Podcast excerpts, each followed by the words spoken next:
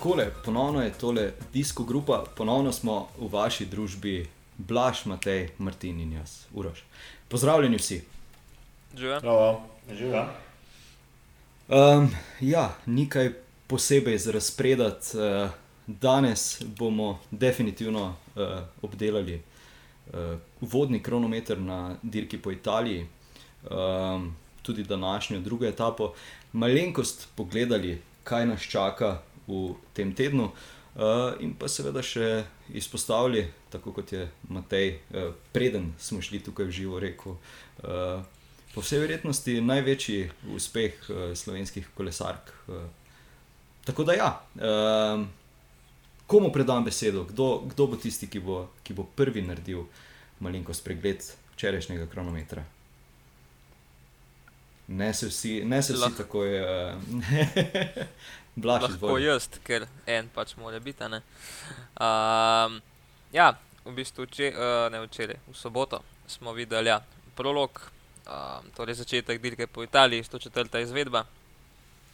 Uh, v mestu Turin, uh, kronometer je bil dolg uh, dobrih 8 km. Pa pol. Um, in um, ja, v bistvu tak, precej ovinkast. Um, zelo pomemben je bilo tukaj ne samo kdo je najmočnejši, ampak tudi kdo uh, bo ta prolog odpeljal najbolj z jajci, po domač povedan. Ker uh, tukaj je zelo pomembno, kdaj ti začneš zavirati, kdaj kakšno linijo vzameš, uh, koliko hitrosti ti preneseš iz ovinka ven, recimo take stvari tukaj. Uh, sploh na to kratkem kronometru se res uh, zelo, zelo, poznajo. ne. Um, in v bistvu, ja, eno izmed presenečenj dneva je bil, um, zelo presenečen, tudi že na dirki po Baski je dobro odpeljal kronometer, je bil Tobias Foss, uh, se pravi, kolesar Jumba Vizme, um, v preteklih letih tudi uh, zmagovalec dirke po Lovenilju. Um, tako da ja, eden od nekak bodočih upov uh, Jumbo Vizme, uh, kasneje ga pol pre, pre, prehitel uh, Eurado. Uh, Eo, Eduardo, pardon, Eduardo, ja, tako je. Uh, Primek znam imen, za imena sem tele jaz bolj slab. Um, ja, tudi on ima že nekaj lepih rezultatov v svoji karieri, predvsem uh, mislim, da bo zmagovalec na Evropskem prvenstvu, pa na Evropskih igrah, če se prav spomnim, takrat pred Izidorjem Penkom. Um, tako da ja, je eden izmed zelo dobrih kronometristov tudi za prihodnje. Um, ampak ja, na koncu pa Filip Pogana, čeprav nekako je uh, tekom Romandije ni nekako pokazal neke vrhunske forme, ampak tukaj je pa seveda nekako prednost domačega terena. Vsi navijači so za njega navijali na res. Vmes, na vsake to čase je pokazal, kakšne vata obrača. To so bile res nenormalne številke, ki jih mi lahko sam sanjamo. Um, ampak ja, zanimivo, da je imel še zmeraj vmes uh, čas mahati. Ne, uh, ne vem, bil tam kakšen od njegovih prijateljev ali mm, družina, kako koli. Se pravi, poleg tega, da je on obračal 600 vatov, je imel še vmes čas makati. Tako da vsaka čast. uh, ja, no zdaj ne pa še kdo drug kaj pove. Ja, Martin, izvoli, izvoli. Ja, um, spet kavčali smo nekako eh, pritisk na Gano vršili v smislu, da na zadnjih dveh kilometrih ni bil tisti pravi. Um, ko je šlo za res, je pokazal, da, da je tu zdaj še vedno v formi, kakršni si želi biti uh, Italijan, zmagal na prvi dan Džira, uh, v bistvu dvojna italijanska zmaga. In ponovno bi izpostavil to razliko, mm, s katero je Gana zmagal, 10 sekund pred Afinijem, um, vsi ostali so zaostali še precej več. Um, čeprav so v bistvu vsi, glavnina je bila tam, recimo od eh, četrtega do enajstega mesta, je vse skupaj 7 sekund, uh, kar je manjša razlika kot med prvima dvema. In tudi zanimivo je to, da je Gana v bistvu skoraj kilometr na uro hitreje peljal kot pa Afini, tako da um, bi rekel temu kar prepričljiva zmaga um, Gane. Ugibali smo, kakšna je njegova forma, kakšni so njegovi plani. Zagotovo je s tem pokazal, da bo na Džiru uh, ciljal na, največ, na najvišja mesta na kronometrih in da je pripravljen tudi uh, za kasnejši del sezone, ko pride vrhunec, v bistvu svetovno prvenstvo in pa olimpijske igre. Kar se pa tiče uh, ostalih kolesarjev, ja, m, tako je Blaž omenil Finja in Fosa, Jumbo Visma ima v bistvu tri uh, med prvo deseterico, poleg Quickstepa. In uh, to je tudi za nas, slovence, lahko nek dober podatek, da, da gradijo dobro ekipo, ker vemo, da kronometri so neka taka stvar, sploh tam, kjer prideš do kakšnega ekipnega kronometra. Um, ki so zelo koristni za kapetana. In če pogledamo tudi primoževe perspektive, se mi zdi dobra stvar, da pač imajo dobre kronometriste in um, da se ekipa zelo dobro razvija. Kursko, kursko. Matej, izvoli, ti si še dvignil roko. Ja, um, če bi izpostavil poprečno hitrost 58,7 na uro ne, na tem kronometru, to je res brutalno.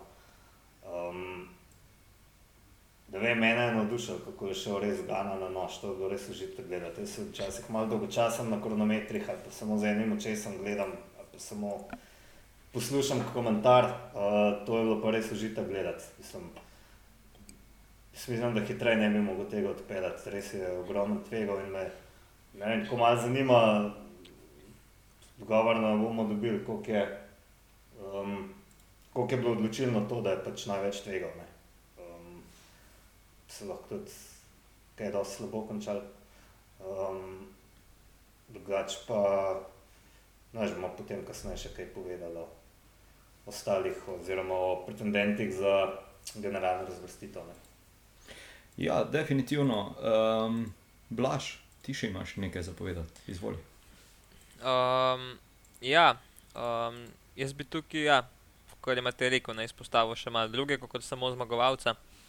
Um, vsekakor mene je Remko Evenpol uh, me osebno, oziroma mislim, da tudi vse ostale, zelo presenetil.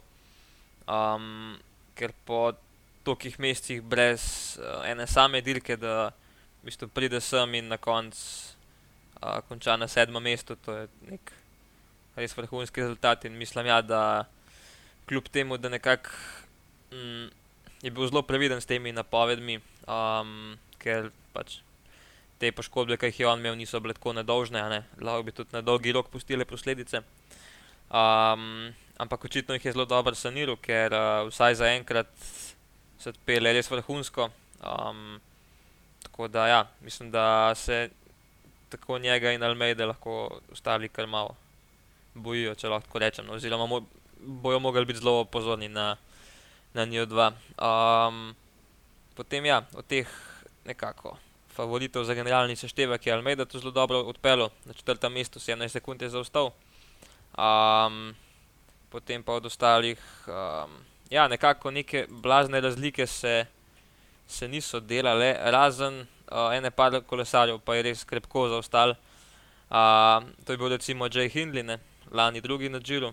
Um, je zaostal že 46 sekund, Manuel Buhman je končal 55 sekund zadnji. Um, Mikel Landa, ja, mislim, da Martin, je, je tvoj favorit. ja, ok, da se nima veze, Džiro je še dolg. Um, ampak ja, vemo, da te kronometre mu nekako ne ležijo. Uh, mislim, je kasiral torej, slabih 50 sekund. Um, tako da, ja, no, uh, mislim, da so lahko te kolesari, ki so tako zaostali, kar veseli, da. Um, bojo imeli kronometer še le res zadnjo etapo tega žira in da bojo do takrat poskus, uh, poskusili nabrati neko prednost, uh, kateri je ta. Tudi ta kronometer na koncu ne bo mogel uh, načeti. Da, ja, to je to.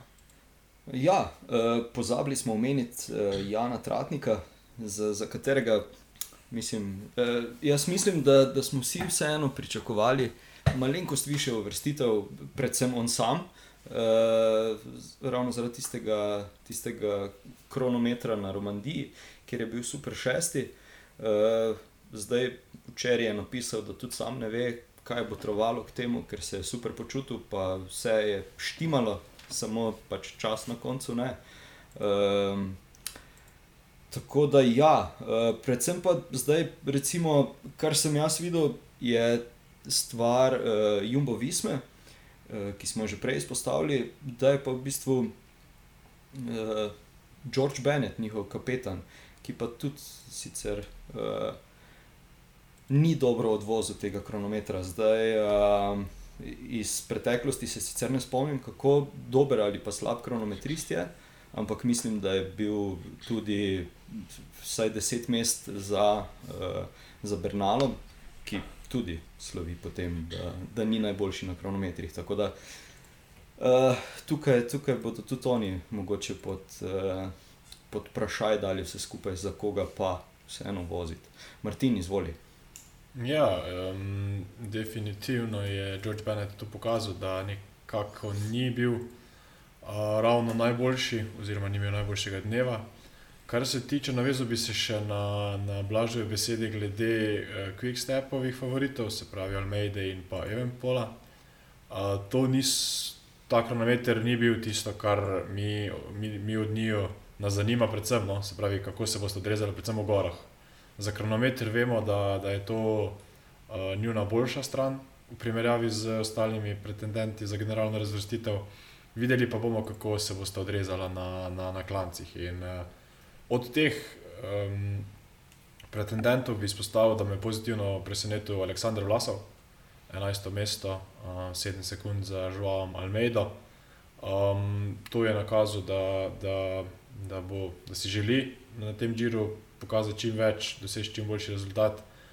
Um, glede Jana, pa ja, tudi sam sem na, na socialnih mrežah zasledil njegov zapis, češ da je bil po, po, po tem kronometru kar rahlo razočaran, čeprav tudi 23. mesto na koncu konca ni katastrofa. In uh, ja, verjamem, da bo na drugem kronometru poskušal to popraviti. Um, vsekakor mu želimo, no, da, da, da se mu na drugem kronometru stvari bolj, bolj poklopijo. Blaž, uh, izvoli repliko. Um, ja, bi se pa še na Jumbovizmo še malo navezal. Um, zdaj res je, da je nekako George Bennett bil postavljen tukaj kot kapetan. Um, tem, s tem kronometrom se jih izkazal ni, ampak ja, kot si rekel, ne vemo, da on ni lik specialist za kronometre. Um, me pa v bistvu zelo zanima, recimo, da bi um, recimo George Bennett imel en dan res slab dan. Um, in bi, jaz mislim, da bi njegovo mesto kot kapetan zasedel kar uh, Tobias Foss, um, ker nekako, kot sem rekel, kaže potencialno. Zdaj na terenu Adriatiko je bil 15. generalno, uh, ampak je tukaj treba upoštevati, on, je, on se je takrat uh, trgal za Van Arta, kot se spomnimo. Uh, tako da v bistvu priložnosti na taki dirki še ni dobu. Um, pravi, tedenski, ampak jaz mislim, da se bo v prihodnosti lahko zelo izkazal. Um, tako da, ja, me zanima, v katero smer bo, bo tole šlo. Um, zdaj pa, ja, v bistvu še ne par posebnosti, ki sem jih jaz, mislim, posebnosti, zanimivosti, ki sem jih jaz opazil. Da Ineos in pa Jumbo Visma nista vozila uh, Šimanotovih Felten, oziroma obročev, uh, katere so drugačni njihov opremljevalec, ampak so se odločili za ene druge. Um, se pravi, um, spredi so imeli znamko Aerocoach, to jih poznavalc nisem, Matej, to lahko mogoče ti kaj več povedal o tem. Poznaš? Mm, slišal, poznam. Ne. No, jaz tudi nekaj več. Um, zadaj pa je Ineos imel um, Princeton Carbon Works, je to kaj bolj znan se pravi, disk zadaj. Jaz poznam ja, jaz samo po imenu. A... Ja? Ja. Ja, jaz sem poslušal podcast uh, uh, o teh uh, Prince, uh, Princeton. Uh, ja, ja, izvoli, govori dalje. Bom jaz potem povedal, kar sem si, ne, ne. Pa, kar sem si zapomnil. Okay. Sem si. ne, ne, se, uh, le zato sprašujem, ker ja, recimo, da je to ena teh znamk, ki se pa ne spoznam najbolj in zanimiv, da so se se je pač ekipa Kokarina odločila za to znamko, um, tako da mora biti najbrž res neka preverjena zadeva. Um, tako da, ja. Aha, pa še mogoče to, da je Bahrajn uh, zamenil opremljevalce Dresov, ne se pravi, iz na linije so šli na Ale. Um, ne vem, kaj tukaj, kakšne zadeve so bile v zadju, ampak ja, zanimivo, da tako le sred uh, sezone nekako se zamenja opremljevalce Dresov, ni jih nekako običajno. Uh, kako so vam pa kaj všeč uh, novi dresi Izraela oziroma IF-a? A, to pa lahko jaz nekaj povem. Za Izrael mi tudi podrazno ni jasno. Uh, kakšno zvezo ima ta napolnjava barva z barvo rdečega vina, ker ne vem, nekaj vina sem spil, pa Mogoče si moraš kalibrirati monitor zaradi tega, ker je rdeče barve, ker ni rjave. Ne? Ampak ok, izvoli dalje. Ja. Ja, ne, zelo take, um, Breka zelo ste. take, ja, sem gledal tudi na telefonu, no, sem preveril. Če, mogoče sem na soncu malo lepši vid, no. Drugače so mi všeč, niso mi grdi, ampak ne delujejo mi pa nič podobni. Uh, vino, medtem ko uh, za EF, ali ne vem točno kako se zdaj ta ekipa imenuje, kaj so EF, NIPO, EF Education, EF NIPO. Um, so pa mogoče prvič, da so mi res všeč, so res hudi. Ne vem, mogoče zato, ker po barvah malo spominjajo na moj bicikl. Ampak, E, jaz sem mislil, da boš rekel, da te spominja na to, ko si bil otrok, pa je RTV Slovenija imela ta krok eh, z temi barvami. Točno, ja, sam ne, tudi so lepši. No. Ne, no, še ni- niso lepi, ne. Niso lepi, ampak so neki dresi, ki bi, mogoče bi tudi jaz to dal na se, če ne bi imel seveda gor sponzorskih napisov. No. Ampak lanski, meni so bili lanski boljši žile. Ja, se- strinjam. Ja.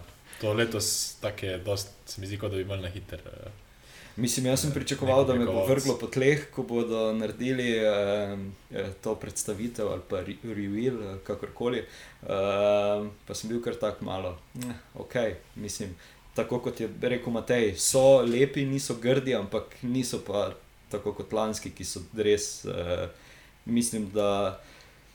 Da uh, dosegli tudi to, da so tisti, ki ne kolesarijo, govorili o tem, uh, kakšne drese imajo. No. Tako tak bom rekel. Mislim, mislim, da so s tem kar veliko pozornosti pritegnili.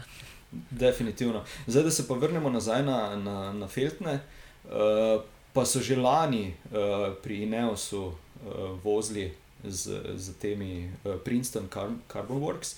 Če se mogoče spomnite tistih kronometrov, ko so spredaj imeli. Um, Podob, podobne uh, zipu, uh, ko so tiste valovite, kako bi temu rekel, uh, ker je v bistvu tudi en uh, konstrukter iz Zipa, mislim, da, da odšel, pa potem ustanovil to firmo itd.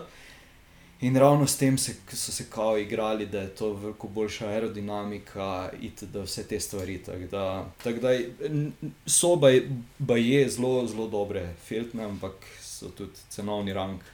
Uh, takšen kot uh, tiste lightweightove, ki pa so jih tudi v lanski sezoni pri Ineosu uporabljali, kljub temu, da niso opremljeni z, njihove, z njihovo opremo. ne, Uh, ka, eh, Balkanci bi rekli temu, ima se, može se. Ne. Točno to.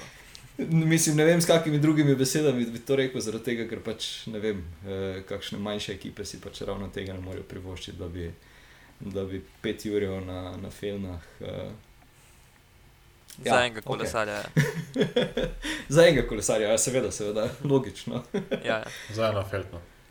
ja, Eh, pač- Martin, pa to, izvoli. ja.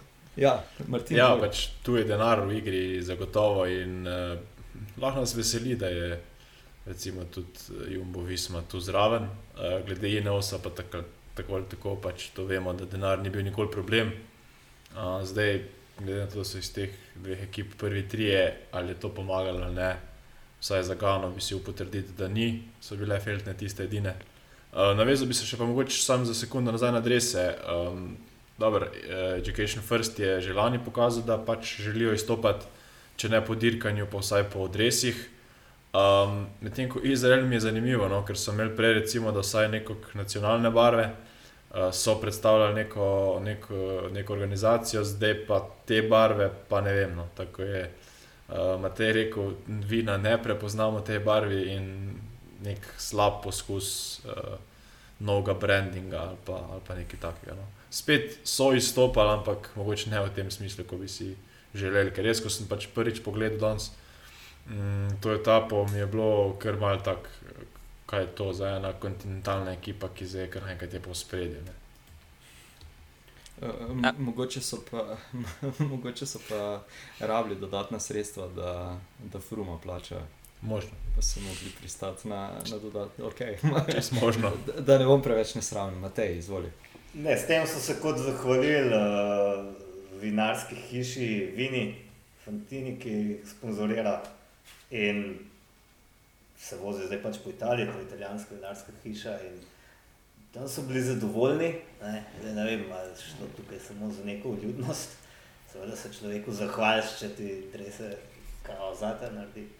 Ampak tako bi rekel, da mene nasplošno to malo motno, te spremembe dresov, ker mi gledamo televizijo in glik se navadi, že tako se vsako leto dresi zamenjajo, rabimo najprej dva meseca, da se naučimo, kdo je spet kdo. E, potem pa bom za Giro, imate spet dve ekipi, drugačne drese in spet smo zmedeni.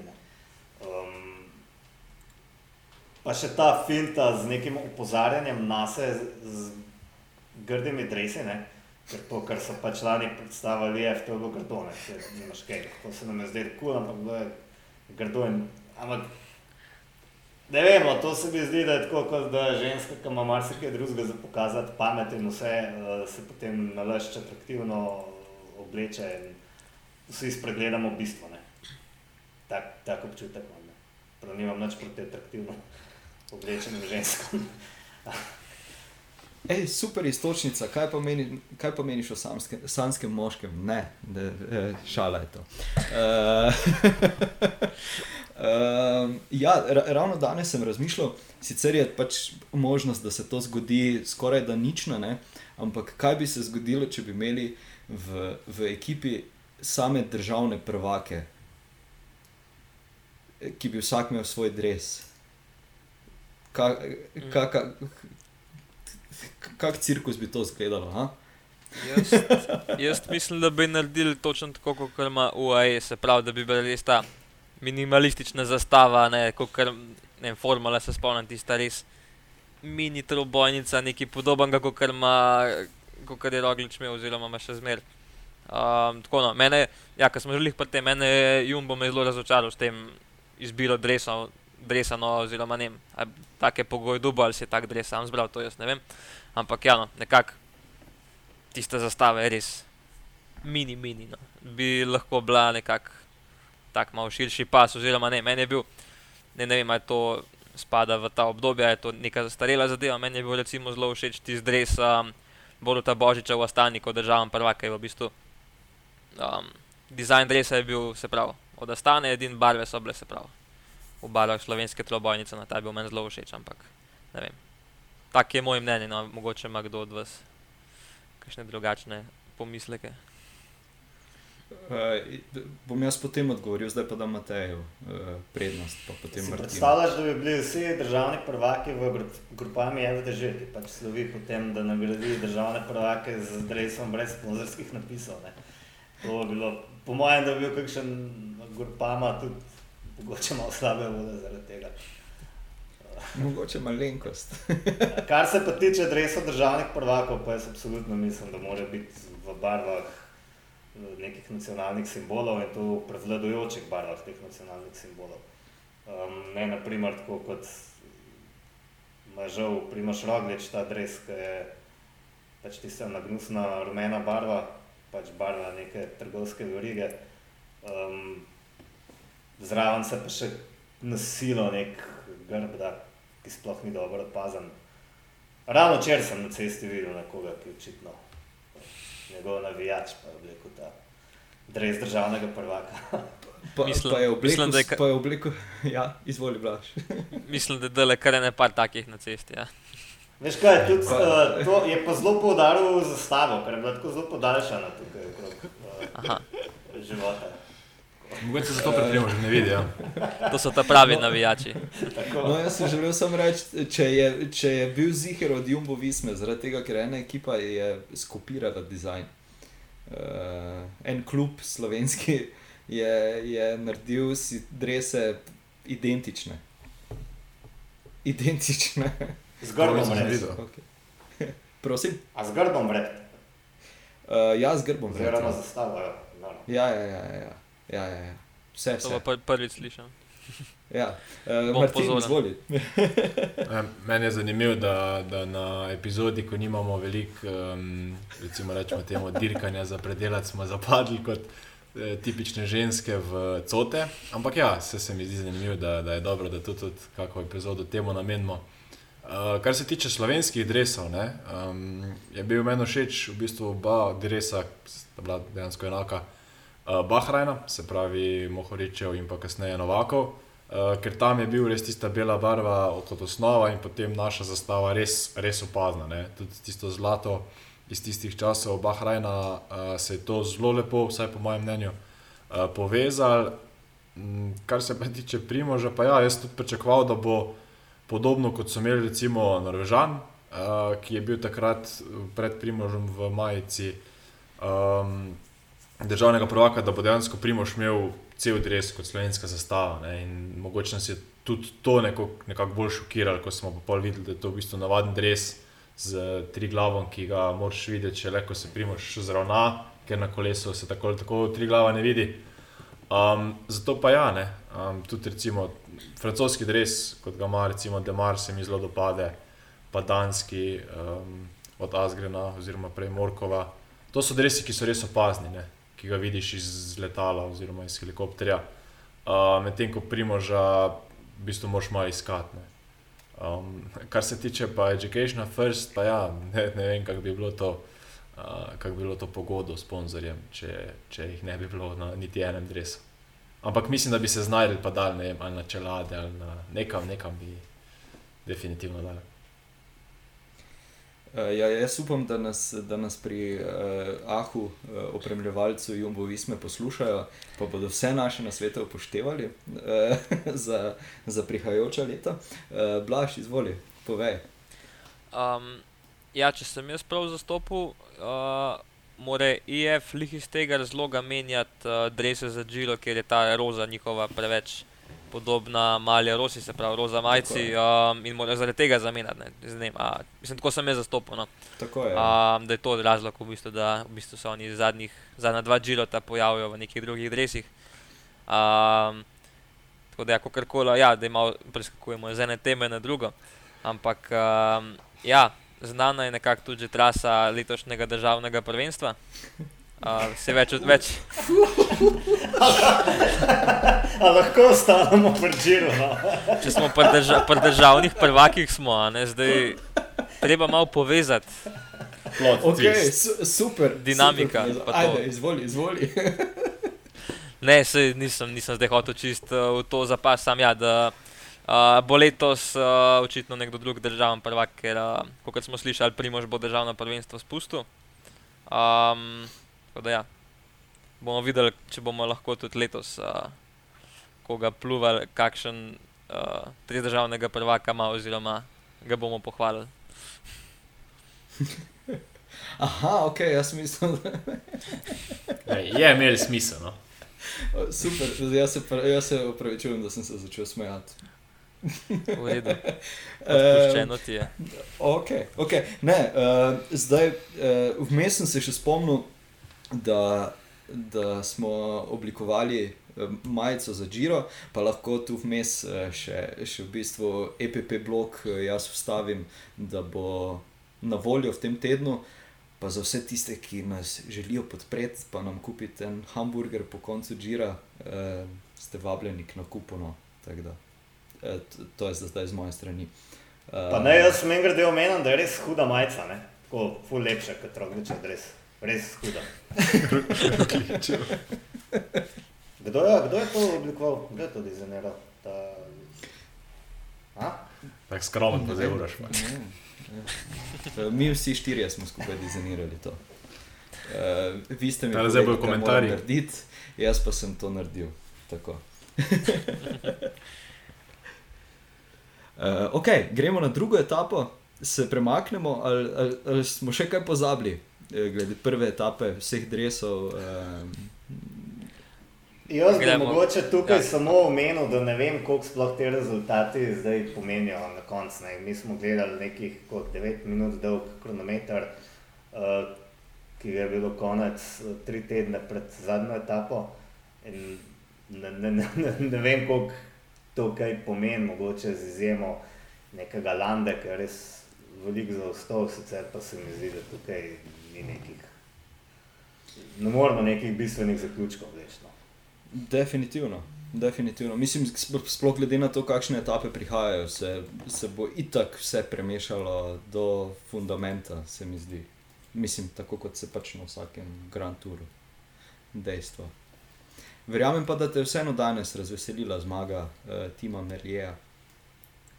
Uh, mene je izjemno razveselila, sploh zato, ker je bil res zanimiv sprint. Bile so debate o tem, da je bil uh, mogoče speljan uh, mečkar navarno v ta ovink, videli smo kar um, zanimivo reči tam med uh, članoma iste ekipe. Kar povem, ne, da je uh, Molano, ne, mislim, da je Molano uh, ja. skoraj sklatu uh, Gavirjo, za kar je bil sicer bolj Gavire kriv, oziroma ne vem, zakaj se niso že predtem dogovorili, v katero smer se bojo umikali. Jaz po svoje razumem, da virijo, da je hotel iti po notranji, krajši strani, uh, men, glede na to, da je šel uh, v Vink v desno. Um, no, ampak tam sta zapela in jaz sem bil že pripričan, da bomo spet. Da, da se bojo spet pobirali s kakšnimi zlomljenimi ključnicami, pa je zgleda ograja tokrat bila taka, kot se spodob. Um, Gavirja pa tudi, očitno kar mojster, da je gor ostal. Tukaj me mogoče zanima eh, mnenje Blaža, ki je po mojem najboljši šprinter med nami še vedno. Um, kako se, mislim, se to dogovorimo, dogovorijo prej, ali čigava napaka je bila sploh to? No? Um, ja, napaka. Ja. Oboje stranska, no to ponavadi se jih ne dogovarja, v katero stran se bo ta lida od meni omaknil, ker toliko različnih scenarijev. Pa, če si na desni strani ceste, se boš drugače umaknil, kot če si na levi strani ceste. Zato nekega teoretičnega plana vnaprej tukaj ne moreš zastaviti, pač, odvisno od situacije. Ne. Zdaj, tukaj je bilo pa lih tako naroden, da Molano se je hotel čim bolj umakniti, Gavirija je pa hotel lih tam mem, kjer se, kjer se je Molano hotel umakniti in je nekako prišlo do. Mm, malo nesporazuma, in ja, na koncu, um, ja, sem vesel, da se tam Gavirija um, rešil, um, sicer nekaj se je pol za roko držal, ampak mislim, da kaj hujšega ni bilo. No. Uh, ja, me pa kar malo stisnil, ker sem to videl, no. ampak ja, žal se take stvari dogajajo. No. Um, ampak ja, bomo take stvari bomo še kdaj videli, ampak ja, pač, žal, tako se je šlo. To, tokrat ni bil imel sreče. Vse Molano, kot sem videl, niti ni bil tako lidal, to ne bil kar daleč pred njim in zato je tudi s tako hitrostjo preletel um, Vanga oziroma tega tiste špranja, ne, Gavirja, um, ki je bil po mojem, glede na to, kako je začel kar med uh, velikimi favoriti za zmago, tako da Lvom je res brutalno močan, če se to ne bi zgodilo. Um, vprašanje, če bi zlezel mimo Meljaja, ampak bi rekel, da tam na drugo, tretje mesto pa gotovo. Ne. kaj pa bomo rekli na Grünewegna. Zdaj, uh, jaz ne verjamem, da mu je na koncu zmanjkalo moči, zaradi tega, ker je pač uh, nekako uh, to v njegovem. Pa ne bom rekel v DNK, ampak v njegovi navadi, da včasih kar med sprintom on neha, neha pedalirati, kot da se ustavi. Že večkrat se je to zgodilo, zdaj pa tudi, tudi pred tem. Uh, tudi pred to nesrečo z, z Jakobsenom, tako da pač ne moramo zdaj tega pripisovati uh, temu, da bi se česar koli ustrašil ali karkoli. Ampak uh, ja, Matej, izvoli. Mislim, da je zelo v redu sprintov, da je zelo dobro sprintov. Um, vesel sem, da je prišel nazaj. Bi pa tukaj mogoče omenil ta zadnji zaplet, ki ste ga imeli z Jakobsenom in prala neko umazano perilo v javnosti. Najprej je Jakobsen povedal, um, da sta se. Ne, kdo je? Grene vegan, ne? Je povedal, ja, Grene vegan. Bila, je povedal, ja. pa je Jakobsen bil užaljen. Ja, potem pa je bil Jakobsen užaljen, če že se mu Grene vegan ni upravičil. To se mi zdi res smešno. No. Iz Grene vegna smo naredili. So, men, mene je vedno deloval kot ena tragična figura, kljub temu, da je on zakrivil to nesrečo. Um, če bi vedel, da se bo tako končal, tega zikr ne bi naredil. Um, potem so se na njega spravili brutalno vsi. Um, jaz še nekako razumem, Remka je vene pula, ki je mlad fant, da je dajo izjave, kako ga ne bo niti pogledal več uh, Grune Vegna in tako naprej. Ja. Pa potem izjave, ne vem, no, na lepem mi deluje on kot neka tragična figura tukaj. Um, zato sem tudi še toliko bolj vesel, da se je um, da je bil pač, ne vem, koliko časa ni šprintal, 9 mesecev. 9 mesecev, ja. Um, Pripeljal na četrto mesto in mislim, da je med tistimi, ki lahko tukaj zmagujejo. S tem, da nima najmočnejše ekipe za šprint. Um, ja, mislim, da eh, če, če gremo na to temo pranja perila z, z Jakobsenom, pa vsemi temi stvarmi, je, je res tako, da ga želijo nekako prikazati kot tistega najhujšega zločinca. Uh, mislim, tisto, kar se je takrat takoj po tej nesreči dogajalo, itak ni, ni sploh primerno za, za nikamor. Zdaj pa tudi, pač v bistvu, če, če gledamo, oziroma. Malenkost več sem bral ta teden okrog tega, ampak če, če se boj da gleda iz uh, strani, uh, iz pravnega vidika, bi kakor hitro bi se mu opravičil, uh, krivdo prevzel na sebe torej bi v bistvu lahko potem vsi pravniki skočili na njega, da je vsega kriv in da naj plača vse, kar je možno. Uh, še vedno pa se meni zdi, da je tu najbolj sporno. Da, da so pač dejansko te ograje najbolj sporno bile postavljene, oziroma najbolj sporno bile izbrane. Tudi letos smo se pogovarjali že, že o teh novih ograjah, ki so bile na, na belgijskih klasikah, eh, če se prav spomnim, ki so izboljšane, torej so z nekim mislim, dejstvo je, da se želi povečati varnost, pa vse, ampak mogoče je to ravno tista nesreča še dodatno spodbudila zdaj, uh, pa mogoče želi UCI nekako pač speljati to zadevo, tako kot jo pač oni poskušajo vedno speljati z, z malo uh, na, na določene trenutke smešnimi potezami. Uh, Blaž, tvoje mnenje, izvoli. Mm, ja, kot si rekel, no, meni je lihtale šprint danes. Me je v eni točki spomnil ja, na tisto, um, na tisto, tisto etapo v Katovicah, se pravi na Dilki po Polskem, ki je isto bilo mal nadol. Um, zdaj ne vem, zakaj se v Cigre vse te neke varnostne ukrepe, ampak hkrati še zmeraj dovoli, da se šprinterske etape končujejo nekako v nekem spustu, oziroma da je par procentov nadol že to lahko v bistvu vse skupaj nekako še poslabša. Um, zdaj, kar se tiče grune vegna, jaz sem jih to hotel um, izpostaviti, ja, da nekako slovo možno uh, se vidi, da v bistvu je šprintov, pa na eni točki je nehal, pa je pogledal okoli sebe in pole tiste zadnje dva metra še mečkan pohodu. Um, to se tudi meni zelo zanimivo zdaj, zdaj ne vem. Um, jaz nisem pozoril na to že prej delu ali je zdaj te. Tud, tudi jaz, ne, tudi jaz, ne, um, pa sem bil potem upozorjen na to. Tak, da, t, ja, ja, ja, no, ja, tako da um, ne, vem, ne vem, kaj je tukaj bilo. Um, ampak ja, zdaj v vsakem primeru bi mu zmanjkalo nekaj metrov za zmago. Um, ampak ja, ima še kar nekaj priložnosti letos na Džilu. Zdaj pa, ja, če se še malo dotaknemo zmagovalca, ne, uh, Tima Melija. Um, v bistvu, no, mislim, da ga ni noben uvrščal v ožji krok favoritov. Ampak dejstvo je, da ima on za sabo že kar dobro sezono. Zmagal je že, zmagal je že po teh pol klasikah, kako bi temu rekli. No. Um, in v bistvu, ja, ma, sezono je začel zelo dobro. Um, ampak ja, tukaj pa nekako ni noben pričakoval, da bo že na prvi šprinterski etapi tako dominiral.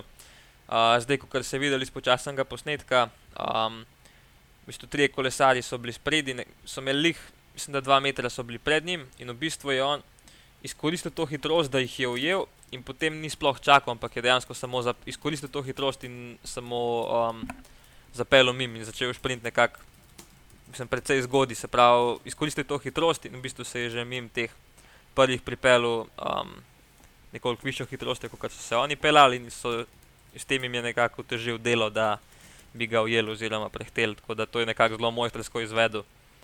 Um, tako da, ja, no, jaz sem v bistvu zelo vesel, uh, če na takih Grand Tourih tudi uh, prokontinentalne ekipe pride do kakšne zmage, no, um, ker je to že za samo kolesarstvo nekako zelo dobro. Um, Tako da, ja, no. take stvari je, je fajn videti zmeri. Definitivno. Uh, Martin, izvoli. Uh, ja, v bistvu, vsekakor bi se jaz navezal še na eno presenečenje, pa rečemo temu. No. Uh, šele deseto mesto, ki je leva Juvana. Um, definitivno, kot je rekel, kot je rekel Blaž, um, Merlija, noben je vrščil na vrh. Ampak ne zato, ker ne bi bil konkurenčen, ampak zato, ker mislim, da smo si vsi mislili, da je pač v tej konkurenci dejansko Ivan tisti, ki bo, bo relativno zlahka opravil z, z ostalimi. Danes je to pokazalo, da ni res. Uh, prišel je še tam še na deseto mesto, brez pravzaprav pravega sprinta. In uh, bomo videli, no? uh, jutri je nov dan, že takoj bo mogel popravljati napake. Um, Res me zanima, no, ali je bilo to danes samo uh, neka slaba postavitev v, v pripravi na sprint ali, ali kaj drugega. Mm, Italijani so pokazali tudi, da, so, da se bodo v sprintih borili, uh, Viviani in Colo sta bila um, drugi in tretji, um, oziroma tretji in drugi v tem zaporedju. Uh, Sagan, uh, blažen prijatelj na petem mestu in zanimivo bo v bitki za Čiklamino majico. Um, mislim, da, da, da bo Merlier kar, kar precejšen uh, kandidat, oziroma kar veliko možnosti ima, lahko prepele tudi kakšen uh, manjši klanec. Um, tako da Sagan tako ali tako bo tej konkurenci in uh, veselim se že tudi tega, um, te, te klasifikacije. Uh, ja, Matej, ti, še, ti si še ti si še nekaj um, oziroma, želel. Ja, mislim, da je šlo tudi na roko, da je bil za voj mečko na desno, da je tudi zato mu mogoče s tem dolgim sprintom uspel, ker uh, vsak bi ga hotel prehiteti v, po levi, glede na to, da je bil sredo v ograji, bi imel še mečko daljšo pot. Um, mogoče omenimo, da je bil, uh, če sem se prav zapomnil, uh, to so komentatorji razlagali, uh, Giacomo Nizolo že desetič na drugem mestu. Tudi kar malo grozljivo. Um, zdaj, uh, kje je bil on, pa mislim, da je bil tako zadaj enostavno zato, ker ga niso na dobro pozicijo pripeljali. On njemu sicer pomagata Jasper da Boyst in Roger Kluge in mislim, da ga enostavno nista pripeljala tja, kjer bi moral biti. Ker se mi zdi tudi nenavadno, glede na to, da je deloval um, zaključek precej počasen. No. Spet imam feeling, da sem nabijal že um, zadnjič. Uh, da sem spet gledal en tak, dosti počasen zaključek. Um, zdaj ne vem, mogoče zato, ker nihče nima enega velikega vlaka, vsak, vsi špriteri, večinoma edini mogoče. Uh, Viviani ima mečkan močnejšo ekipo, kot se je zbrano. Um, ostali se pa zanašajo vem, na dva, tri kolesarje. Tako en quick step, pravzaprav sploh nima šprinterja, kar je tudi precej zanimivo. Ne? Mislim, nekaj novega v tej ekipi. In so se enostavno zaključki relativno počasni. Ne? Um, pa še nekaj smo pozabili, mogoče to, da se je Sagan kar nekaj šunjal tam po grupi. Mislim, da je 4-3 km pred ciljem zelo tako na meji, se mi zdi, oziroma načeloma čez mejo, ne, glede na to, kaj zdaj uh, sankcionira uh, UCI oziroma komisari. Um, očitno je Saganu marsikaj odpuščeno. Ne. Blaž, kaj boš rekel na to? uh, ja, dejstvo je, da si Sagan lahko dovolj mrzke, ker si drugi kolesari nekako na morju. Um, ampak ja, nekako. Ne, ne, okay, ne moramo temu reči upravičeno, ampak ja, ima nek renome. Um, tudi jaz sem videl, da ja, je danes kar tistih headbatov, zaradi česar so že recimo sama Beneta ali pa Evana diskvalificirali, um, oziroma jih um, premestili na konec grupe. Um, ampak ja, kot smo kot je Sagan že rekel, pač v sprintu se ne bremza, ne, če hoče zmagati. In tudi on se mi zdi, da je šel danes kar na glavo, um, zdaj ja, na koncu je. Ni bil posebno v vrhu, Um, ampak ja, recimo, da na, za to tedensko dirko, pa potem po tej njegovi vrnitvi, um, s tem težavami, ki jih je imel na začetku sezone, je to nekako kar uredu rezultatno. Tako da ja, jaz ga ne bi tukaj preveč kritiziral, ker v bistvu se je dosti dobro pelo in jaz mislim, da ja, bo lahko na tem delu še, še marsikaj pokazano. Ok, uh, Martin, izvoli. Ja, mislim, da lahko Matej spet pričakuje danes kakšno sporočilo od naših kolesarjev, če tole poslušajo, češ da spet uh, omenja te počasne zaključke, ona dva se pa matrata uh, na, na škrge. Uh, ja, tudi jaz, tudi jaz bi rekel, da to pomankanje, pomankanje vlakov se lahko kaže v tem nekako manj organiziranem šp, uh, zaključku in imamo zato mi občutek, da je vse skupaj nekoliko počasneje, ker tu danes, razen kot je že uh, Matej spet omenil, um, Konsonja, ki je delal za, za Vivjanja in pa potem, mislim, da je Merlier tudi enega pomočnika, tudi Grunewegnovi pomočniki, uh, mislim, da je bil Deker tisti zadnji, so se kar hitro izgubili.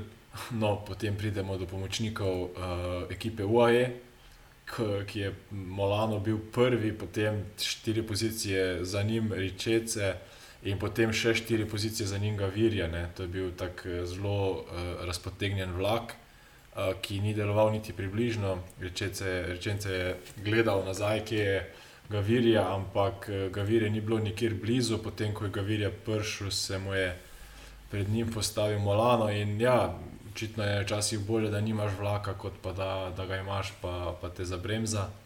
Um, Tako da bomo videli v, prihodnost, eh, v, prihod, v prihodnih etapah, um, nekako se mi zdi, da to slabo postavljanje Evana, ja, seveda, je, je krivo. Mislim, ne bi pripisoval toliko ekipi, ker smo videli, da so se marsikateri kolesari tudi danes znašli posem uh, sami uh, in bi dejansko bolj na njega no, danes zvalil to krivdo, da, da ni bil v zaključku etape tam, kjer bi moral biti.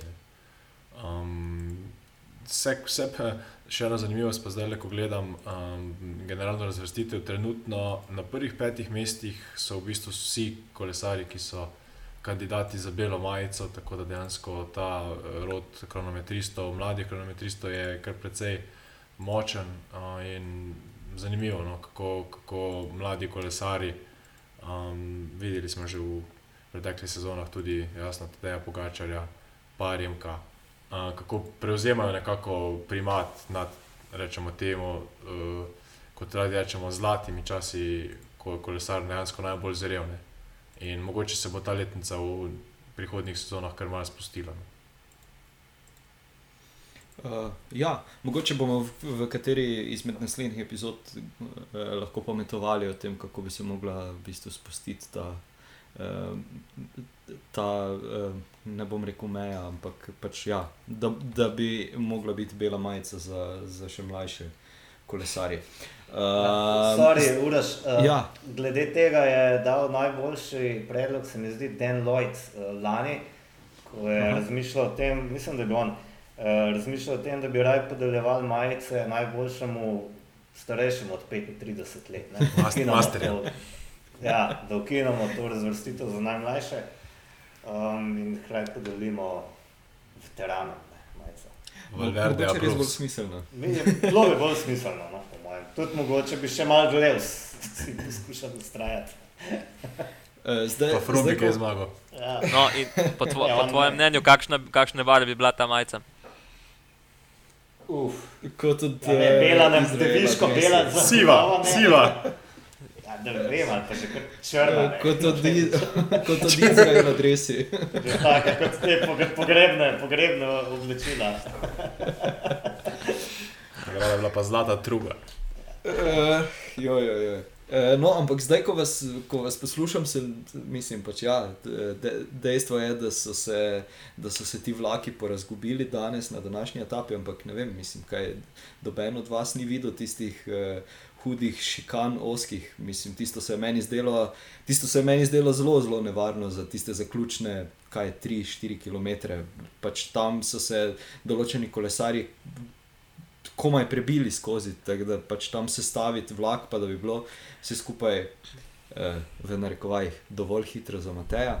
Uh, Hecam se. Uh, ampak mislim pač, res so se mi zdeli, res so se mi zdele tiste šikane pač nevarne. No.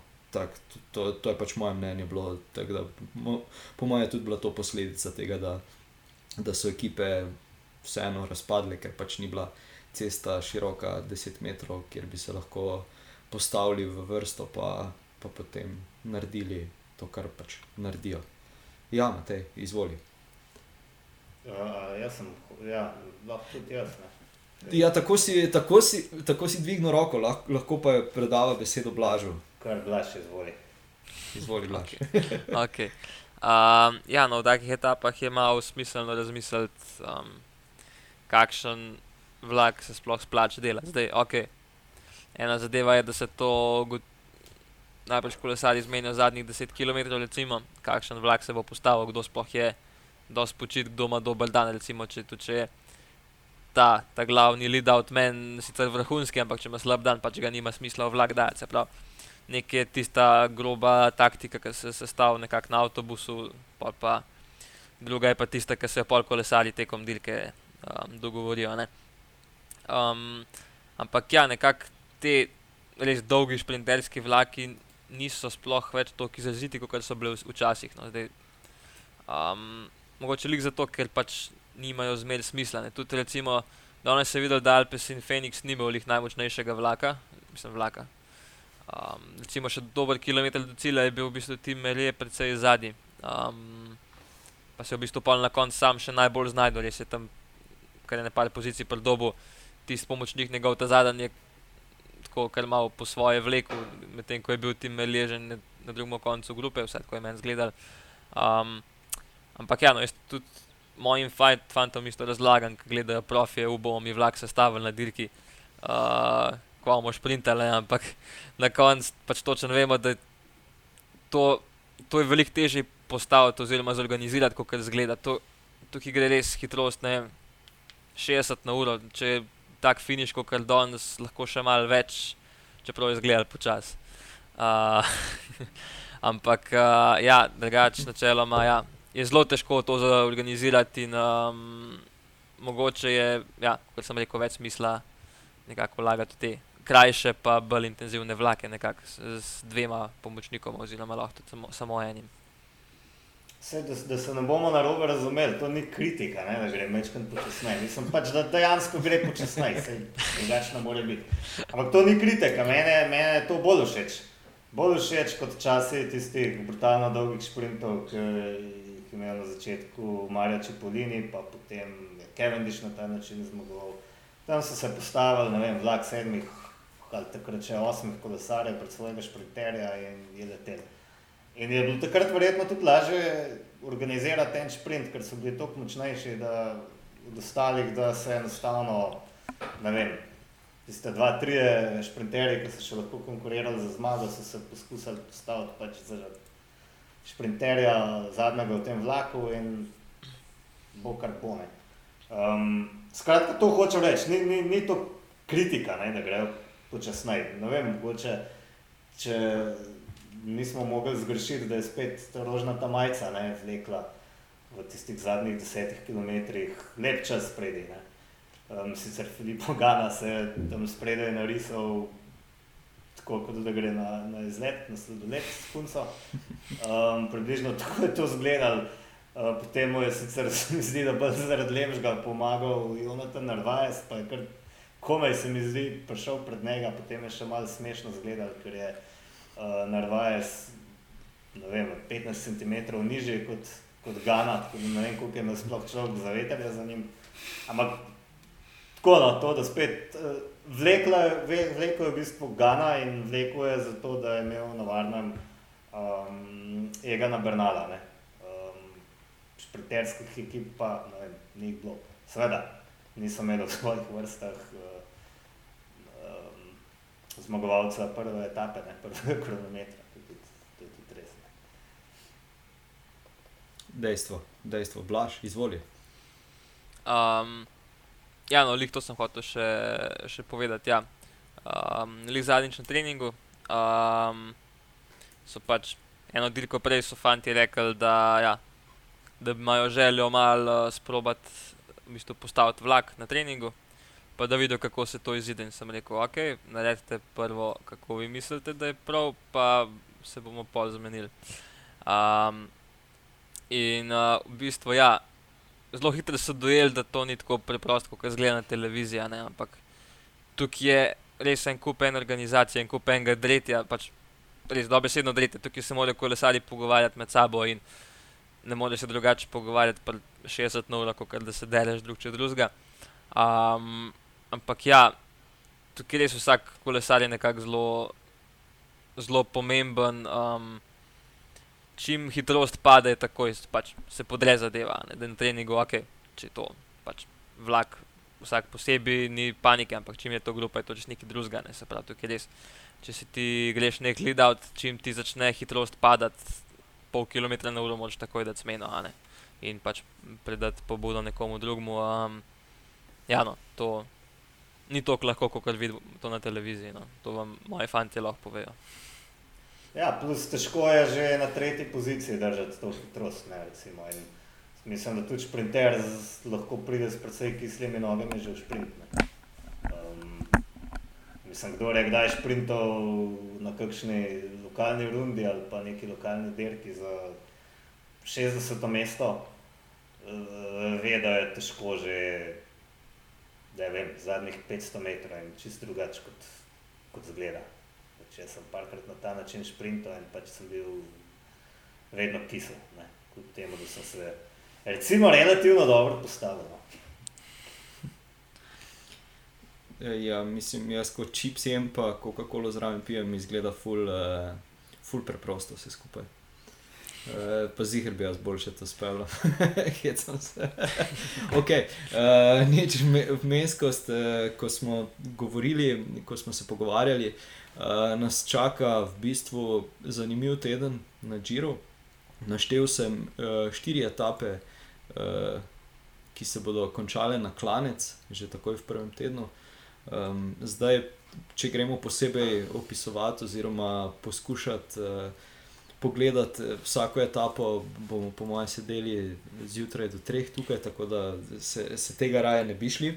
Um, Matej, ti si preden smo začeli snemati. Uh, Nekako napovedal ali pa orisal razplet, pa če ga mogoče uh, poskušaš ponoviti, A ja, um, ja uh, mislim, potem sem ugotovil, da je tu že četrta etapa precej zahtevna in da je klanc precej strm, ampak nekako imam občutek, ne, ne reči, da je to napoved, pa ne bo napoved, da bo v tem tednu enkrat uh, žval Almeida oblekel uh, rožnato majico in je potem podobno kot lani. Uh, Mogoče bo vmes kdaj izgubil, ampak v tem, uh, med temi, ki konkurirajo za generalno razvrstitev, bo vse čas med vodilnimi do pač žalostnega poraza na strmih klancih v zadnjem tednu, ko, ko je bo pač izgubil. In lahko samo upa, da proti Remku je ven pulo, kakšnemu Simonu Jejcu, ki se mi zdi ponovem najbolj navaren. Ne več to Kegan Bernal, ampak Simon Jejc glede na to, da je Bernal začel jamrati, da ga hrbet boli. Okay. Uh, zdaj, že, že prej sem želel to povedati, pa, pa sem potem pozabil. Uh, ravno to, da Remko še ni odpeljal nobene trotedenske dirke. In pa tudi to, da pač v bistvu ja, ta kronometer, uh, kot je rekel Blaž, nas je vseeno uh, malenkost presenetil s svojo vožnjo. Vprašanje pa pač, koliko bo ta njegova pripravljenost dejansko držala tri tedne. Uh, če, če bo sposoben pač še na, na ostalih etapah uh, konkurirati. Jaz upam da, upam, da bo sposoben, seveda, ampak pač, ja, to je zaenkrat tista neznanka, ki, ki zanima bolj kot ne cel. Uh, pa bom to poimenoval tisto klasično, celoten kolesarski svet. Matej, izvolite. Jaz se na roko mu gre potem tudi zadnji kronometer, ne, Remko. Tudi. On mora biti pač zraven, to mislim, da je sposoben na klancih. Ampak ja, kot sem prej rekel, ta prvi kronometer nekaj dosti povedal. Jaz tudi, ne vem, z mojih amaterskih izkušenj sem lahko zelo hiter, zelo dober na nekih krajših desetminutnih klančkih, marsikoga držim, um, pa se pa neha, ne, dokler nisem korektno pripravljen. Hočem reči, da za teh deset minut se marsikdo lahko uh, dobro poštima, ampak potem se pa začnejo dolgi klanci in trpljenje, uh, mislim, umiranje na obrokih, na obroke, te smo pa še videli, kako bo. Ja, Martin, kako, kakšno pa je tvoje mnenje? Izvoli. Ja, Remko ima, mislim, da na, glede na to, da ni, da ni zdaj kolesarov v bistvu in da je to prva njegova dirka, noben pravzaprav ne ve, kaj od njega naj pričakuje. Javnost, predvsem v Belgiji, je bila pred njegovo poškodbo prepričana, da, da, da bo to novi Eddie Merckx. Vmes med njegovo poškodbo se je pojavil oziroma se je še dodatno uveljavil Tadej Pogačar in je kar naenkrat tudi Remko dobil za neko resno konkurenco na, na njegovem nivoju, spravi starosti. In se mi zdi, da bo tudi nek pritisk na Remko. No? Um, ja, so v napovedih govorili, češ, da nima nobenih uh, dirk, dirkanja in da, da, gre, da bodo upali, predvsem, da zaključi. Giro, ampak bodimo realni, to so tudi predajo za tur rekli, uh, pa vsi vemo, kako se je končalo. Tako da na Remka bomo zagotovo mogli, mogli biti pozorni. Uh, bo pa kar hiter jasno, no. predvsem četrta etapa, šesta etapa, boste tisti dve, ki nam bodo že dali boljši občutek, ali lahko Remko razmišlja tudi o treh tednih, ali bo tu predvsem zato, da spoznava, kako pa tritedenska dirka v resnici izgleda in da bo na kakšni od prihodnih napadal generalno razvrstitev. Bomo videli, ja, bomo videli, blaž. Um, ja, evo, ko smo jih prelem, kot um, zdaj jih malo gledam te rezultate. Um, pa sem v bistvu ugotovil, da se on pa pogačal, niti nista kaj doskrat srečala na dirkah. Um, Svetovno, ne? S, um, ja, ena redkih je bila svetovno, oziroma um, San Sebastian leta 2019 kjer je Remko zmagal, Pogačal je pa takrat odstopil, mislim, da je padel, predvsej grdo. Um, tako da, um, ja, no, to bo, to bo še zelo zanimivo. Um, da, jaz po eni strani upam, da se boste čim prej srečali, ker uh, sta nekako rivala, pač obema nekako um, pripisujejo to, da sta mlada, pa perspektivna, pa naslednja naslednja Eddie Merckx, oziroma še boljša, ampak um, ja. Um, Bono, mislim, da bo to rivalstvo še kar zelo, zelo intenzivno v prihodnje. Pa še ena stvar sem ugotovil, uh, v bistvu gledam te etape do konca letošnjega Džila in ugotovil sem, da v bistvu sta samo še dve uh, nekako prave šprinterske etape. To je peta etapa in pa trinajsta. Uh, potem pa drugih pa praktično tistih res revinskih etap niti ni. Tako da um, Ja, zato no, ima sed, ta zmaga. Sedma, sedma je tudi, ker že vedno. Sedma. Uh, ok, pardon, ja, no, ta bi tu če znala biti. Ja. Ampak ja, v bistvu zaradi tega ima ta zmaga Melija danes nekakšne toliko večjo ceno, ker tistih priložnosti za une prave šprintelje um, niti ne bo več kaj dost. Za nekako ja. se ocenjuje, da bo 5 do 6 etap uh, šprinterskih, no? se mi zdi. Um, Tako da, ja, le, ne, bomo videli. Vsekakor ne zelo velik in vsekakor bo največ ciklalno majico oblekel kdo, ki je sposoben čez klance priti. In mislim, da je med njimi tudi tim meljene. Hodil sem pa nekaj drugega reči. Nekaj o Remku, pa pogačarju? Ja, ta, ne, ja, samo to, da se bo mogoče spet pokazal, da kakšna je to etapna derka, če ni... Da je drugače, je pa primožen rogliča. Ki pač res to, ki stopata, ne vem, če že kdaj sta dva kolesarja to, ki stopala. Ja, v redu. Včasih je en Sarem Strong, je nekdo izstopal. Um, ampak vse je vedel, pač derka na eni derki na leto in to je to. Ja, meni se, edino to se mi zdi škoda, ja, pač vemo, da to tako ne gre, ampak da se ne morete zmeniti, da gre pač en na en grand tour, drug na drugega, ne zakaj se vsi tepajo za ta tur. uh, ampak ja, no, to, to sta To so En te gre na enega, en gre pa na dva, in potem imamo. No, to. eh, tri Grand Toure v enem letu, kaj češ lepega. Ne? to so In imeli ja. samo Britanci do zdaj. se. Taktika uh, športnih direktorjev iz Kavča.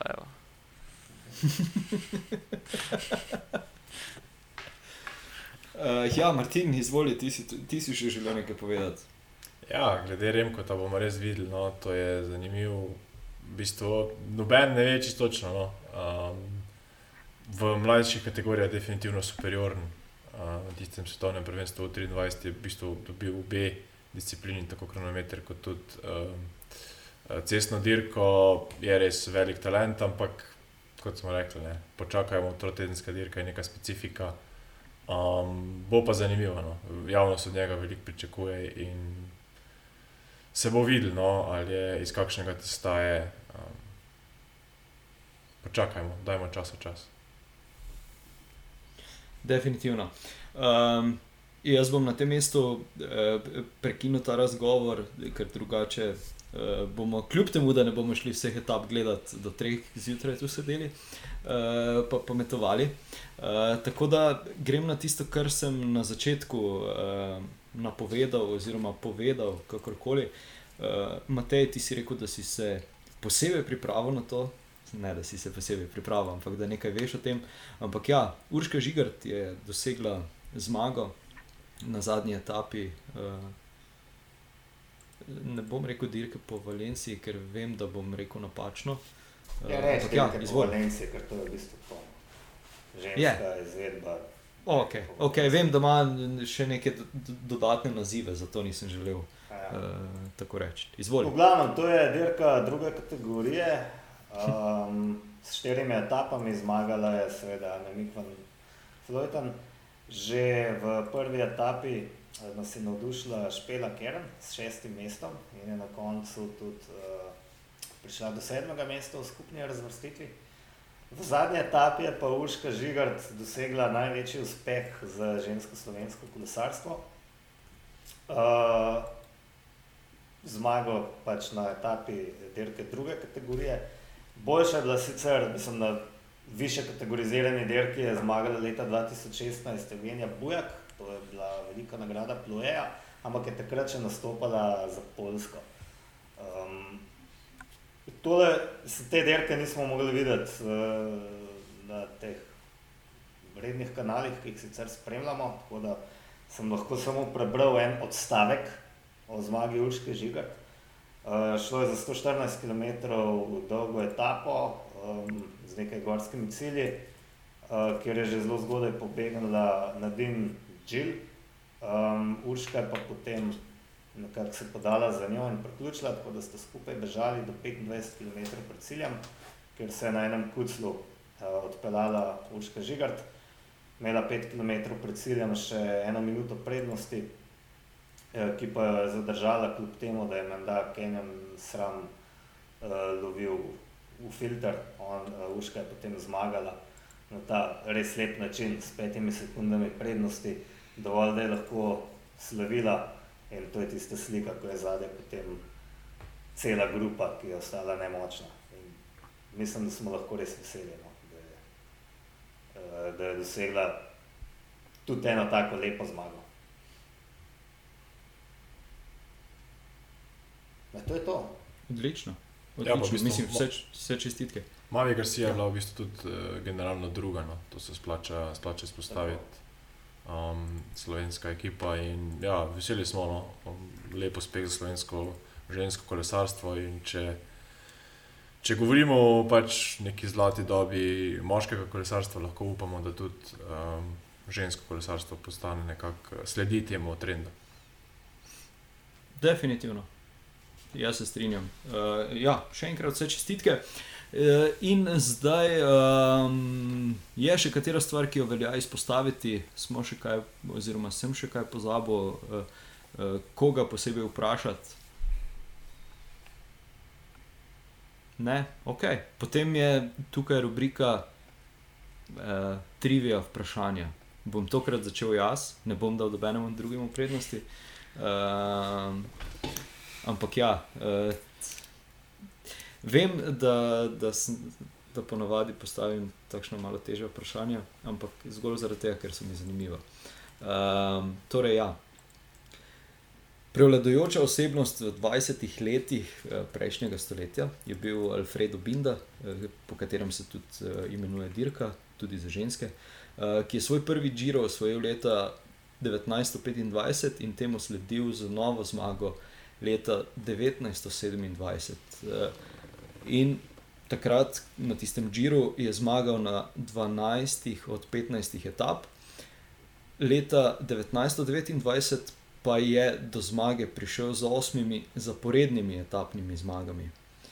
Uh, tako je bil leta 1930 poklican na sedež uh, La Gazette dello Sport, ki mu, ki, kjer so mu pač očitali, da je v bistvu pokvaril dirko. Uh, kaj pa, morda kdo ve, kaj so naredili uh, proti temu, da bi bil v, pač v narekovajih manj prevladujoč.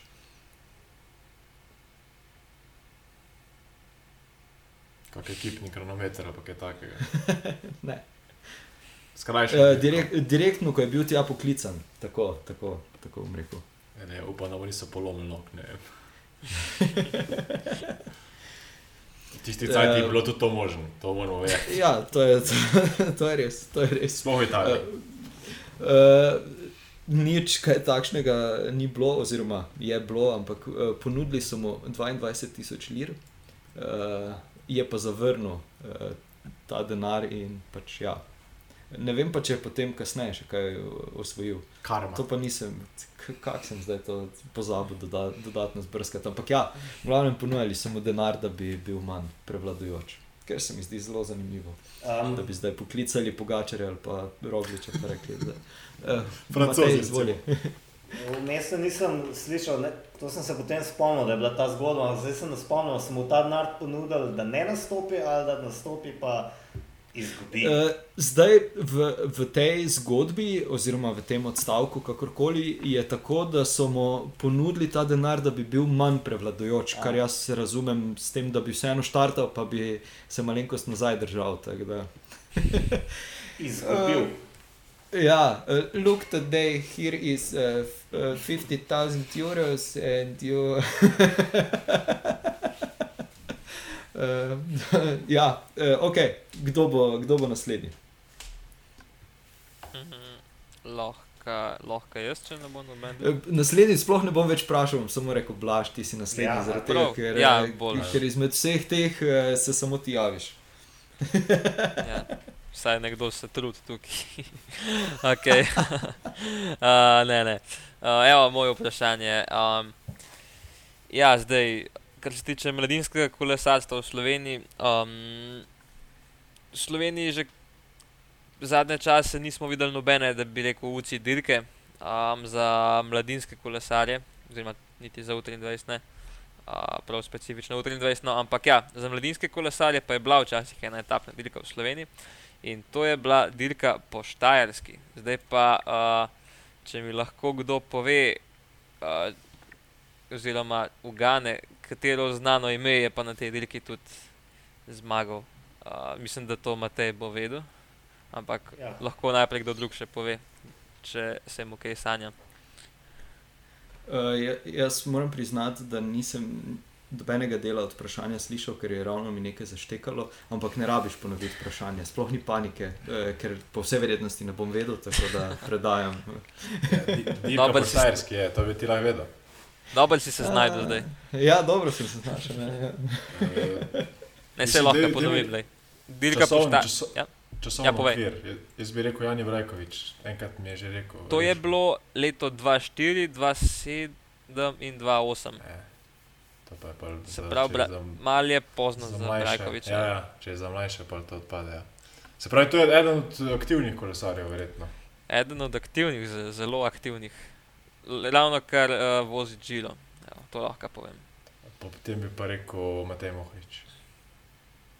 To je, eh, to je bilo zelo 50% manj. No, no ne Matej pove, kako mi čaka. Ajde. ja, ker vem, ne. Ja, to je bil uh, nihče drug kot Peter Sagan, ne, ki je um, zmagal celo v generalni razvrstitvi. Um, Tako je. Ker to je bila tri etapna dirka, ne, če se ne motim. Tako je. Uh, Uh, ja. Možakar je eh, zmagal tako, kar precej gladko pred Janom Tratnikom in še z mojim dobrim prijateljem uh, Gregorjem Lahom, ki pa se je potem podal v uh, vode informacijske tehnologije. Ja, uh, tako je. Ja. Uh, Sagan je bil zmagovalec v izvedbi 2018, je pa leta 2004 tukaj slavil tudi Simon Špilak, uh, kot zanimivost. Uh, je pa tukaj Sagan zmagal, kot se reče, ja, za kar 41 sekund um, pred Janom Tratnikom. Um, tako da, ja, no, v bistvu to nekako, en tako dobre kolesarje imamo v Sloveniji, v Sloveniji kot sploh pri profesionalcih, recimo, ja, da bi se nekako spodobilo, da bi tudi na mladih delali, pa da bi imeli neko tako močno dirko tudi recimo v Sloveniji za mlade kolesarje. No. Ampak ja, upamo, da bomo kdaj videli še kaj tasga podobnega dejal na Štajerskem ali kjerkoli drugem, drugem je čisto vse en, ampak ja, važno, da, da se dirka. No. Jaz se strinjam. Jaz se strinjam. Jaz sem samo zdaj čakal, da bo kdo rekel, bomo pa mi organizirali. Ampak, ja, okay. uh, Martin, Matej, oba dva sta na M, kdo od vaju se bo prvi javil. Kaj kje si zdaj pokazal s prstom? Dej, komando. Reč, Martin, Okay, uh, se pravi, izuzeti kronometre. Uh, me zanima, če kdo od vas po občutku ve, kje je bila najhitrejša etapa Gira d'Italia v zgodovini, pa koliko bi znašala poprečna hitrost na taki dirki oziroma taki etapi. um, kdaj, kdaj pa je bilo to, sam približno je bilo to v tistih uh, ne tako čistih časih, ali je bilo to. Bom 50 rekel, da je to bolj, bolj v mojih vprašanjih, kot pa v Urošovih. Se pravi, Ne, ne gremo v leto 1920, ampak v moderni kolesarstvo. Ja, ne gremo v leto okej. 2020, pa prvo Ja, mislim, bilo, ne. Gira, ko je Filippo Gana, je bila prva etapa. ne prva, mislim, da je Izuzeti bila. kronometre. A ja, izuzemši kronometer. Eh, joj. Mislim, ne vem, Sorry. če je bil kak kronometer hitrejši, ker tudi glede na poprečno hitrost bi rekel, da ja, ja, prvi etapi je imel Gana 58, tako da to ne veljano. Izuzeti eh, kronometre. Ok, sorry. Mislim, bomo da je bila vseeno lanska etapa. Ja, je bila lanska, to drži, to drži. Ja. Smo, ne vem, smo v letu katera- 2020, kaj pa poprečna Eh, hitrost? eh, Mislim, da je bila. Uh, čakaj zdaj, pismo. Uh, ne, to bom zdaj čisto gibal, ampak zdi se mi, da tam nekje 49. Mm, v bistvu zadeva je taka, da je prejšnji rekord držal nekje 8 let, ne, nekje točno 8 let, uh, 18. etapa eh, leta 2012 je bila poprečna hitrost uh, okrog 29,5. Uh, na lanskoletnem Džiru pa je sedmo etapo, um, uh, 143 km dolgo etapo dobil Arnaud Demar, uh, se pravi šprinterska etapa, za kar je potreboval 2 ure 47, povprečna hitrost pa je tako znašala 51, uh, malo več kot 51 km na uro. In to velja za, za najhitrejšo etapo. Jaz sem da šel gledati tudi v zgodovini, na splošno, uh, ampak ti podatki niso tako preverjeni, da bi, da bi bil potrdet. Ampak uh, Arno Demarno, sedma etapa je bila ravninska. Um, po komentarjih sem šel brati, so vsi, so vsi kolesari takrat res rekli, da ti zdaj je pa letel. Um, tudi neki ešaloni so se zgodili, oziroma pretrgala se je glavnina. In, uh, precej veliko interesa je bilo, no, in zato se tudi temu primerno tudi uh, um, ta, ta hitrost razvila, pa res je bila ravna etapa, pa 143 km, tudi dosta skratka in je res lahko šlo na polno, pravzaprav od štarta. Se spomnim, da so, da so po socialnih medijih to še nekaj dni uh, zelo, zelo uh, delili in izpostavljali. Tako da ja, se, se spomnim, da je bilo to lani. Matej, evo, še ti izvoli. Ja, prej smo ravno govorili o mladini. Ne? In me zanima, če kdo je, kdo je najmlajši kolesar, ki je uh, zmagal generalno na dirki po Italiji. Čakaj, nismo to imeli v prejšnji imel- ja. epizodi. Kaj? Mislim, da ima to uroš prejšnji teden vprašanje in točno to. A res? Vidiš, Ja. ja. star človek. Faust, se, jaz, jaz sem realno pozabil. Ne? čak, Vem, da je bilo Ne, Fausto, Fausto let nazaj. Fausto Kopi. Fausto kopi, ja. A Ja. no, evo, ja, ne, ko meni je bilo pa tako noro, to pa nekaj vemo, veš, na pamet. Sem... Ok, ne, lej, v redu. Ne, ker imam tudi še naslednje vprašanje. Ne. Zdaj se Okej, pripričujem, okej. veš, da lej. Ne, sploh ni panike. Najstarejši sem se mi zdel v tem podkastu in se to očitno že pozna. Um, je kdo je bil pa najstarejši? Ne? Ha, Ha, V katerem delu zgodovine govorimo? Govorimo o tam 50-ih, 60-ih letih. Mislim, da je bil uh, pisma, je, je bil 41 ali 43 let star. Pa ne, ne, ne, to, to pa ne. Sedem- malo precej še manj je 37. To je bil. Šel od 40 na vzdolj. 39, 38. To je bil Fiorenzo? Fiorenzo Magni. Uh, star je bil pa 34 let in 180 dni. Sem malo pogledal, um, Vincenzo Nibali je star cirka 36 let pa pol in če bi slučajno on zmagal, ne, bi osvojil ta rekord. Kar pa um, tudi po tej statistiki je malo verjetno, no, da bi človek Vseh tak, tako čestitljive starosti zmagal na Giro. Ne, čeprav vemo, da je recimo Chris Horner, koliko je bil star 41 let, ko je na Vuelti zmagal. Ne. Mislim, tudi Valverde bi, če ne bi bilo naših dveh. Ne? Ja, ne, da bi tudi, ja, marsikaj, ampak ja, prihajajo mladi. Ne. Treba bo nek denar ponuditi, da je pa primožo. Ne, bo- Ja. to, to zdaj lahko govorimo tako. Uh, Zanimivo pa je, če smo se prej pogovarjali o majici za starejšega od 35 let, da je ne bi recimo Fiorenzo Magni uh, oblekel, ne, tistega leta. Ne vem pa, kjer leta je bilo to, nekje sred 50-ih. Bi pa mogoče Vincenzo Nibali, no, imel potem možnost za to majico, nas starejšega kolesarja. Pa rečemo, rečemo kar sivo majico, meni se tako dobro, do, prikladno sliši. uh, Silver Bullet. Ja. Uh, ja, z, ravno danes uh, sem gledal še tudi uh, YouTube video uh, Krisa Fruma, ki je ponovno uh, objavil svoje okrevanje, pa pač kako vse gre skoraj da po načrtih, pa da je vse super, pa fajn. Uh, pa sem v tem ogledu videa ugotovil, da pač je tudi en super influencer za 5 milijonov in pol za Izrael, Startup Nation postal.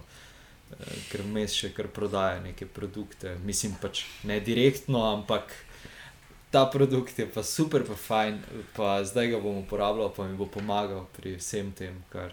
Ampak ja. Kaj pa ima to?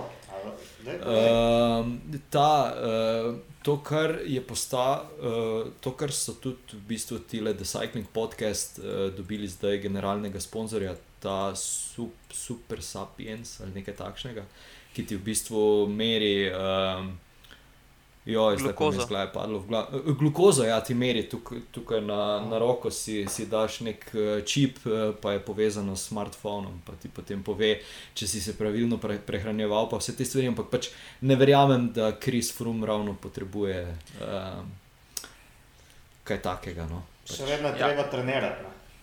Ja. Definitivno, definitivno. Mislim, Eh, mislim, da je bil to samo en del pogodbe, da to nekako paše zraven zdaj k njegovi novi zadu, mislim, zadolžitvi. Če ni kolesar, bo pa vsaj izkoristil svoj influence, svoj vpliv. a ne, tako da. Uh, Se if naj- you like najbolj- that video, smash that like button and subscribe. Uh, Like, share, subscribe. Naj, najbolj bizarne te influencerske predstavitve nekih izdelkov, kot so kosmiči ali pa neke take neumnosti, ima pa drugače Andrej Grajpal, ne? to je pa noro. On, s, s tem uh, nemškim naglasom v angleščini, dobesedno tako le. Kaj, ja, hvala vam, to je uh, Pogačarjev zveščič. Tako le kaže, A res? veš, uh, kosmiče in tako. O, lejte, to je ful noro. To sploh ni plačana objava. Ja, To zdaj sploh ni bila plačana objava. Ne vem, mislim, da je celo enkrat nek unboxing video imel tega sranja, veš. Skotirajo škatle in uh. Uh, Blaž, zdaj uh, lahko to deja pokličeš, pa mu poveš, da uh, bomo z veseljem sprejeli donacije za, Procente, ja. eh, za tole. Ja, seveda. vedno veš, če Drugač, maraš. meni je bil, meni je bil tudi dober, um, ali bil Kitel, ali bil en drug, ali bil en, ali bil Degenkolb, se ne vem, v tej reklami za Alpes in to give your hell more ja. power. Kitel je bil, ne, ja, ja, Ja, ja. power, Kitler dela reklamo za tuš gelja. to, to, to, ja. Ok, uh, jaz predlagam, da za Pava končamo, uh, pa se slišimo naslednjo nedeljo. Uh, tisti, ki še pa to poslušate, pa super, hvala. Veseli bomo vsakega komentarja, vsake pohvale, uh, vsakega predloga, česar koli. Uh, se vidimo. Slišimo. vsake Čau. majice, vsake majice, ki Vsake jo bo majice, nekdo oblekel za definitivno. sprehod po mestu. Točno to, točno to. Ok, čau. Se vidimo, Živijo. ajde, čau. Čau. Čau.